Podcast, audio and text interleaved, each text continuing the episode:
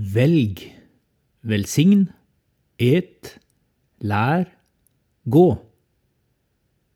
Velsign tre mennesker hver uke. Et eller spis sammen med tre mennesker hver uke. Lær av Jesus i evangeliene. Gå som Guds rike ambassadør, og loggfør det som skjer. Han som snakket, var fra Australia og snakket engelsk, så egentlig brukte han helt andre ord. Han sto midt i en stor gruppe av ganske unge mennesker og fortalte historier i over en time. Men vi syntes det bare hadde vart i ti minutter. Det var et friskt pust som fikk meg til å lengte etter et liv der all min teoretiske kunnskap om Jesus i større grad skulle ta bolig i hele kroppen min. Kunne alle mine ord i større grad få hender og føtter? Setningene jeg startet med, er min frie gjengivelse til norsk, men utfordringen fra den australske teologen og professoren i misiologi, Michael Frost, har aldri sluppet tak i meg etter at jeg hørte ham flere ganger for noen år siden. Jeg var med å tilrettelegge for hans besøk i Norge, på invitasjon fra Dawn Norge, hvor jeg var styremedlem. Michael Frost er en ledende røst innenfor den misjonale kirkebevegelsen. Han har skrevet flere bøker som utforsker misjonale rammeverk for kirka i en postmoderne tid. Men først og fremst er han en som praktiserer det jeg kaller for langfingerens rytmer, bedre enn de fleste jeg vet om. Sammen med sine venner i det kristne fellesskapet Small Boat Big Sea i Sydney har han gjennom mange år utforsket hva en misjonal livsstil kan handle om.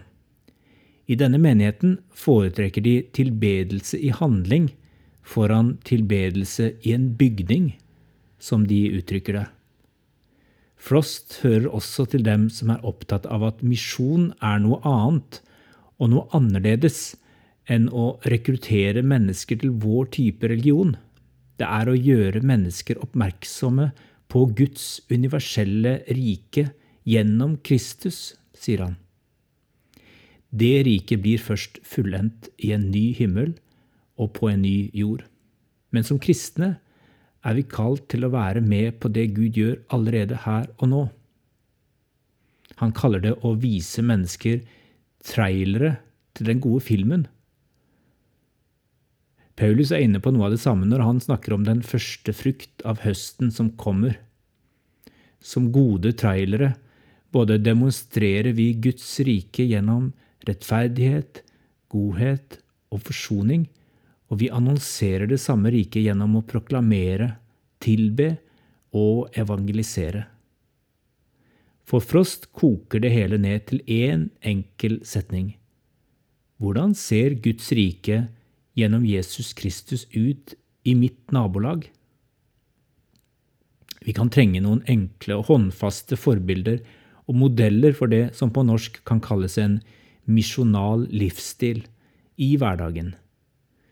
Frost kaller det for gode vaner. Inspirert av ham foreslår jeg modellen Velg, og gir en ganske kortfattet beskrivelse av den her på, i de neste avsnittene av disippelrytmer.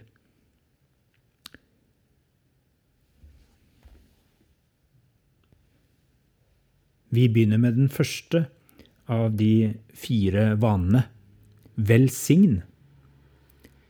Jeg vil velsigne tre mennesker denne uka. Minst én av dem er engasjert i det kristne fellesskapet jeg hører til. Minst én av dem er ikke engasjert i noe slikt fellesskap. Ordet velsigne betyr opprinnelig å tale vel om. I dagligtalen handler det om å gjøre noe godt mot andre, enten ved ord eller handlinger.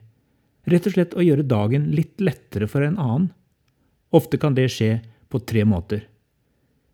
En gjennom bekreftende ord, en oppmuntring, ansikt til ansikt eller som en melding på mobiltelefonen. Oppmuntringer er som oksygen for sjelen, har noen sagt. To, gjennom å gjøre en godhetshandling, hjelpe noen med en praktisk oppgave, kanskje ta i et tak i et flyttelass, kanskje betale noen foran deg i køen på butikken som har glemt lommeboka.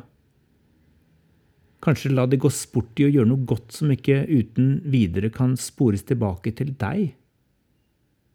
3. Gi en gave. Gaver kan komme i alle slags størrelser, farger og former. Noen er dyre, andre er gratis. Gaver er hovedsakelig et konkret uttrykk for at du har tenkt på mottakeren. Siden jeg skal velsigne minst én person ukentlig som er engasjert i menigheten min, kan det etter hvert vokse fram en velsignelseskultur i mitt eget fellesskap, særlig fordi det er god mulighet for at flere tar ballen og gjør det samme på kryss og tvers. Og fordi jeg og andre skal velge minst én person ukentlig som ikke er engasjert i menigheten, vendes blikket vårt utover. En velsignelseskultur kan styrke fellesskapet innover, og samtidig skape dypere relasjoner til mennesker som ikke hører til det kristne fellesskapet. En velsignelseskultur virker sterkt og ofte overraskende på omgivelsene. Det kan åpne til gode samtaler om Han som har velsignet oss først.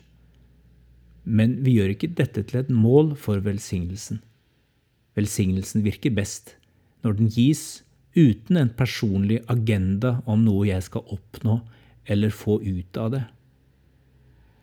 Vi trenger å finne en rytme for å gi tid, gaver og gode ord som et mål i seg selv, for da fostres en ånd av sjenerøsitet. Guds karakter blir speilet i våre omgivelser, og de blir gjort oppmerksomme på Hans rike, sier Michael Frost. Lavmælt samtale Tenk på om du kan velsigne tre mennesker denne uka. Minst én av dem bør være engasjert i menigheten din. Minst én av dem bør ikke være engasjert i menigheten.